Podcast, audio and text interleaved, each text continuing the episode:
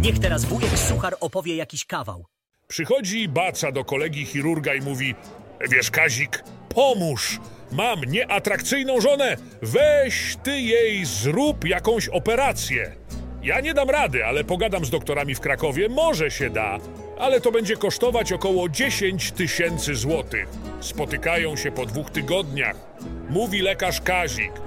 Tak jak mówiłem, da się załatwić, tylko przynieś 10 tysięcy złotych. A wiesz, Kazik, już nie trzeba. Gajowy zgodził się za 500 złotych odstrzelić.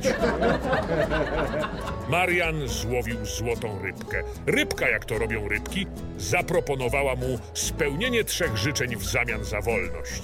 Pomyślał i powiedział: Chcę mieć wspaniałą willę, 10 milionów dolarów na koncie i piękną żonę. Rybka odpowiedziała: Okej, już to masz. Marian, trzymając ją dalej na haczyku, podrapał się w głowie i powiedział: No tak, to by było pierwsze. Przychodzi uniżony petent do urzędu i grzecznie zwraca się do urzędniczki. Dzień dobry, szanowna pani. Jak się pani miewa? Ciężko. Jakoś mi się nie układa. Skarży się urzędniczka, klikając po raz kolejny rozdaj karty w pasjansie.